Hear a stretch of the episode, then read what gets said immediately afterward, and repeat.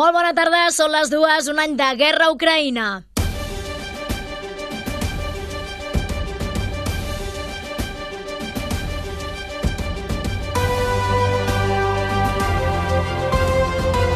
Notícies migdia.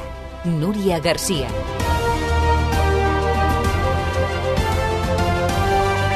Fa tot just un any les tropes russes iniciaven l'ofensiva que 365 dies després es manté. Des de la distància, el sabadellenc d'origen ucraïnès Yuri Atamanchuk veu la situació amb molta preocupació perquè no veu el possible final de la guerra. En una entrevista al Cafè de la Ràdio ha parlat de la massacre contra el poble ucraïnès. Sempre és tard. Això, si fos per, per dia d'ahir, millor. Tota ajuda és poca, perquè és una massacre i, i tot el que envien i tot el que donen i, i tot el que arriba és tard, perquè són vides que es perden cada dia. Des de l'inici de la invasió hi ha hagut milers de refugiats, alguns dels quals han arribat fins a Sabadell, que actualment acull més de 170 desplaçats d'origen ucraïnès, bona part dels quals són menors. Avui la ciutat ha mostrat el seu suport al poble d'Ucraïna amb un minut de silenci a les 12 del migdia a la plaça Sant Roc. De seguida hi entrem a fons. Abans us acostem alguns dels altres temes que abordarem avui, com les multes als usuaris de patinets, el naixement de la plataforma Stop C58 Ronda Nord a les portes de la manifestació contra el quart cinturó de diumenge o la nova concursant de Sabadell al programa Eufòria de TV3. Notícies migdia. La informació en 15 minuts. Els serveis.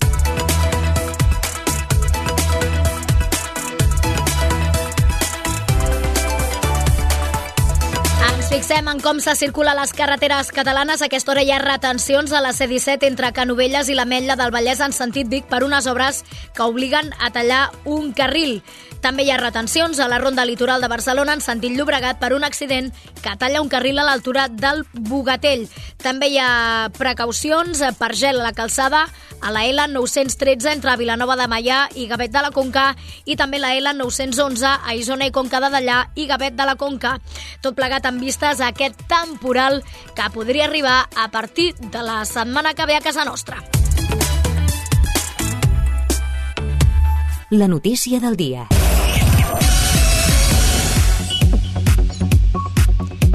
Conflicte entre Rússia i Ucraïna compleix avui un any des del seu esclat i ho fa completament enrocat després que el país de Zelensky hagi recuperat part dels territoris ocupats els primers mesos per les tropes de Putin gràcies a l'ajuda internacional.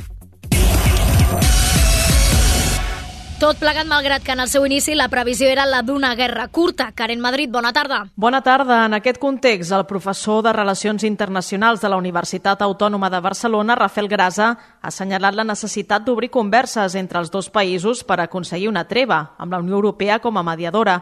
Són declaracions al Cafè de la Ràdio. Ucraïna voldrà, per tant, recuperar tot el territori i pensar què pot fer sobre la pertinença a la Unió Europea o a l'OTAN en el futur, però aquest forçament de negociacions seria un element clau, bàsic. Jo crec que això començarà a venir a part d'aquí de 4, 5, 6 mesos, perquè la situació, d'altra manera, és difícilment acceptable i recordem que està tenint conseqüències per tots. L'increment de la despesa militar és enorme. Mentre la guerra sanifica diferents conflictes polítics, sobre el terreny el patiment s'estén. Així ho ha lamentat el sabadellenc d'origen ucraïnès Yuri Atamanchuk. Sempre és tard. Això, si fos per, per dia d'ahir, millor. Tota ajuda és poca, perquè és una massacre i, i tot el que envien i tot el que donen i, i tot el que arriba és tard perquè són vides que es perden cada dia. Atamanchuk assegura que un gruix important de residents a Ucraïna ha marxat del país al llarg d'aquest any, malgrat que alguns hi han tornat.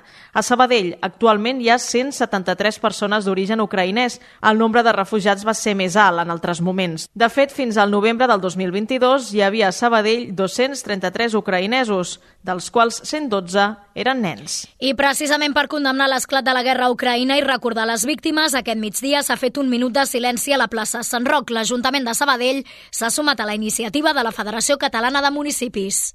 Hi han assistit membres del PSC, Ciutadans, Esquerra Republicana i la regidora no adscrita Marta Morell. La mateixa Morell, tinenta d'alcaldessa i regidora de Drets Civils, ha lamentat l'absència de Junts i la Crida. Des de l'Ajuntament de Sabadell s'ha convocat a tots els grups municipals, per tant, a tots els grups municipals estaven convidats a fer aquest minut de silenci. Això ja, per què no han vingut alguns grups municipals? Jo crec que els hauríeu de preguntar a ells per quins motius doncs, no han assistit al minut de silenci institucional, que torno a repetir que no és un minut de silenci impulsat des de l'Ajuntament de Sabadell, que és un minut de silenci com a adhesió al que se'ns va no, a la proposta de la Federació de Municipis i també de l'Associació de, de Municipis. Els regidors han sostingut una pancarta de no a la guerra davant una vintena de ciutadans que s'han volgut sumar a aquesta iniciativa. Ràdio Sabadell. L'actualitat en 15 minuts. La policia municipal ha interposat 806 multes a conductors de vehicles de mobilitat personal, és a dir, patinets i bicicletes elèctriques.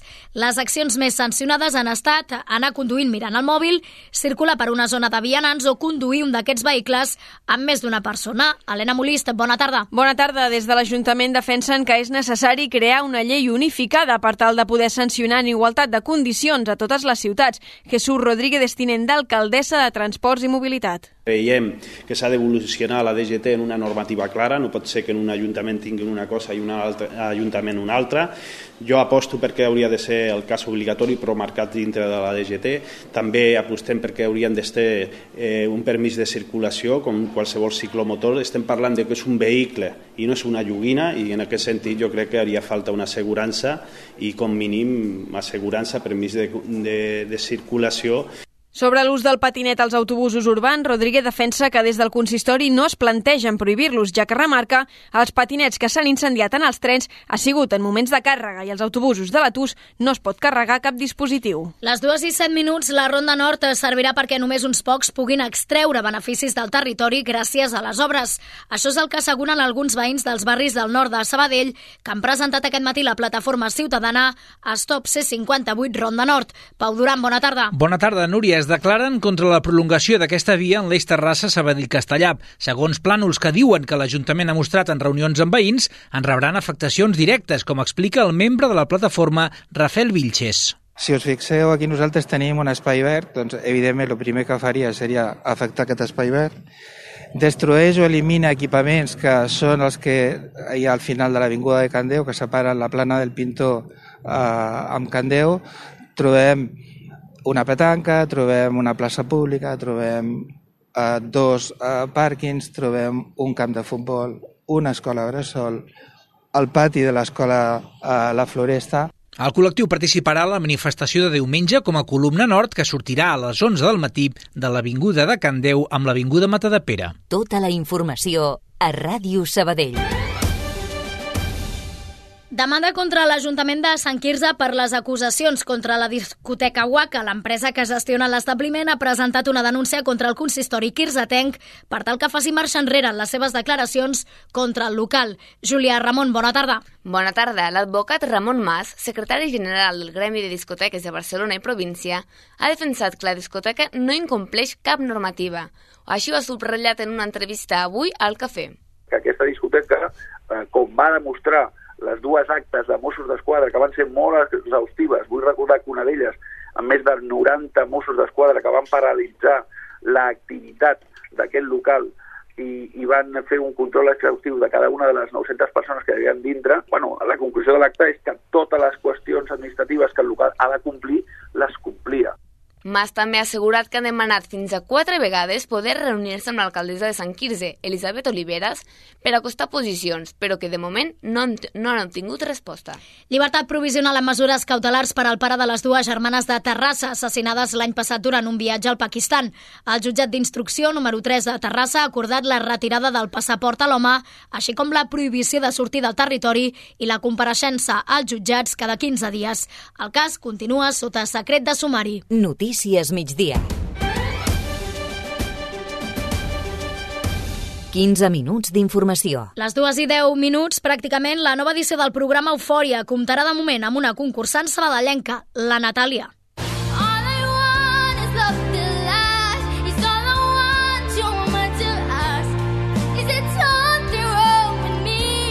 L'última fase del càsting, la Natàlia ha cantat la cançó All I Want d'Olivia Rodrigo, un tema que li ha permès entrar al concurs. En el mateix programa, la Natàlia ha explicat que fa anys que canta i que balla i que, de fet, no entén un sense l'altre. El jurat l'ha fet esperar per fer-li saber la seva decisió, però finalment han decidit que és una de les noves concursants d'Eufòria. Cal esperar el pròxim dilluns per saber si hi haurà un altre concursant sabadellenc al programa o si la Natàlia serà la única representant de la ciutat.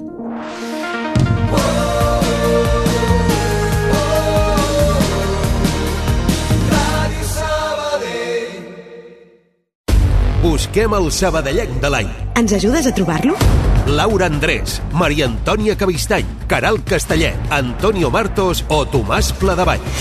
Entra a la pàgina web de Ràdio Sabadell i vota la persona més destacada de la ciutat d'aquest últim any, fins al 14 de març a les 12 de la nit. Segona edició del Premi Sabadellenc de l'any. Organitza i Sabadell amb la col·laboració de Ràdio Sabadell. Ens ajudes a trobar-lo? Coneixes l'app de Taximés? Descarrega-te-la i reserva un taxi còmodament des de la nostra app. Més informació a taximesapp.com. Taxi! Ràdio Taxi Sabadell. El teu taxi de referència a Sabadell. Ràdio Sabadell. Notícies.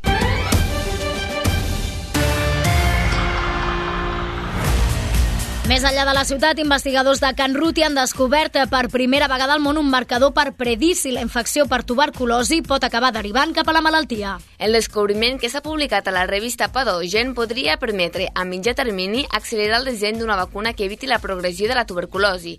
És una malaltia que afecta un miler de persones cada any a Catalunya i uns 1.000 milions a tot el món. L'Hospital Germans Trias i Pujol investiga des de fa més de 25 anys com la tuberculosi, com la tuberculosi passa de ser una infecció a ser una malaltia. El president Pere Aragonès i el ministre de la presidència, Félix Bolaños, s'han reunit aquest dijous a Barcelona. El govern espanyol emmarca la trobada en la normalitat institucional amb la Generalitat, mentre que fons del govern català descarten que la normalització de les relacions i subratllen que les discrepàncies amb l'executiu espanyol es mantenen. Cultura. Els caps de setmana de maig previs al Festival Ambassat es faran les festes de presentació. Vindran Joana Serrat, Renaldo i Clara i Anna Andreu.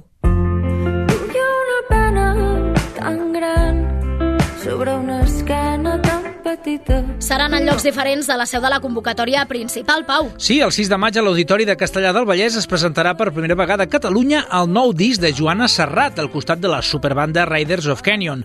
El director del festival, Arnau Solsona, diu que les festes seran el tret de sortida de la cita. I això és una mica aquest tret de sortida, aquest xup-xup que volem fer per, per la gent que li agrada la música, pels abonats, tenir un preu i, un, i una, unes condicions molt especials i en general doncs, molt bons concerts a molt bon preu. El 12 de maig a Sant Quirze del Vallès, Renaldo i Clara portaran el seu nou disc. L'endemà, dia 13, en Andreu serà a l'estruc amb el seu nou disc, La Mida. Propostes culturals. No puc seguir sense destí, El sabadellenc Roger Pedrós presenta el seu últim disc La vida és millor aquesta nit a la Cava Urpí, un treball que inclou 11 temes entre els quals hi ha aquest Digue'm que estem escoltant. El concert on Pedrós estarà acompanyat de Jan Aigua i Marc Fornans començarà a les 9 de la nit. Encara queden entrades. You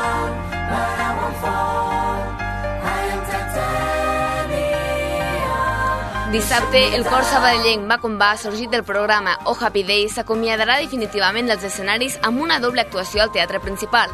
La formació oferirà dues sessions al concert Última Parada, el primer a les 6 de la tarda i el segon a les 9.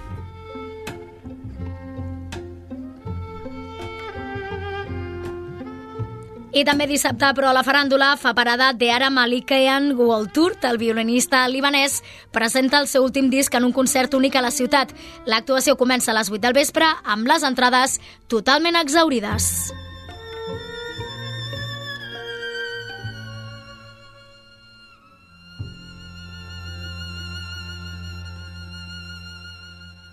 El temps. La previsió meteorològica, Carme Farnell, bona tarda. Bona tarda. Durant les properes hores continuaran arribant aquests núvols mitjans que afectaran a bona part del territori català, però de precipitació n'han de deixar ben poca. No es descarte que pugui escapar-se alguna gotellada, però en conjunt aniran arribant aquests núvols, però acompanyats de molt poca precipitació. Una situació ben diferent és la que tindrem demà, sobretot en punts del Pirineu, Prepirineu i a punts de la meitat est del territori. I és que aquí s'espera sí que s'espera que hi vagi plovent durant bona part del dia, que serà en forma de neu, sobretot a les cotes una miqueta més altes. Estem a l'espera de canvis importants que arribaran, sobretot, cap a l'inici de la setmana que ve amb una baixada considerable de la temperatura. Això és tot des del Servei Meteorològic de Catalunya. Un quart de tres, marxem.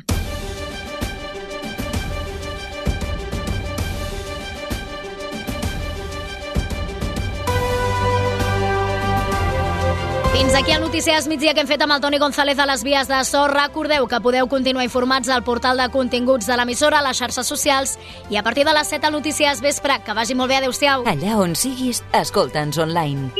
En directe.radiosabadell.fm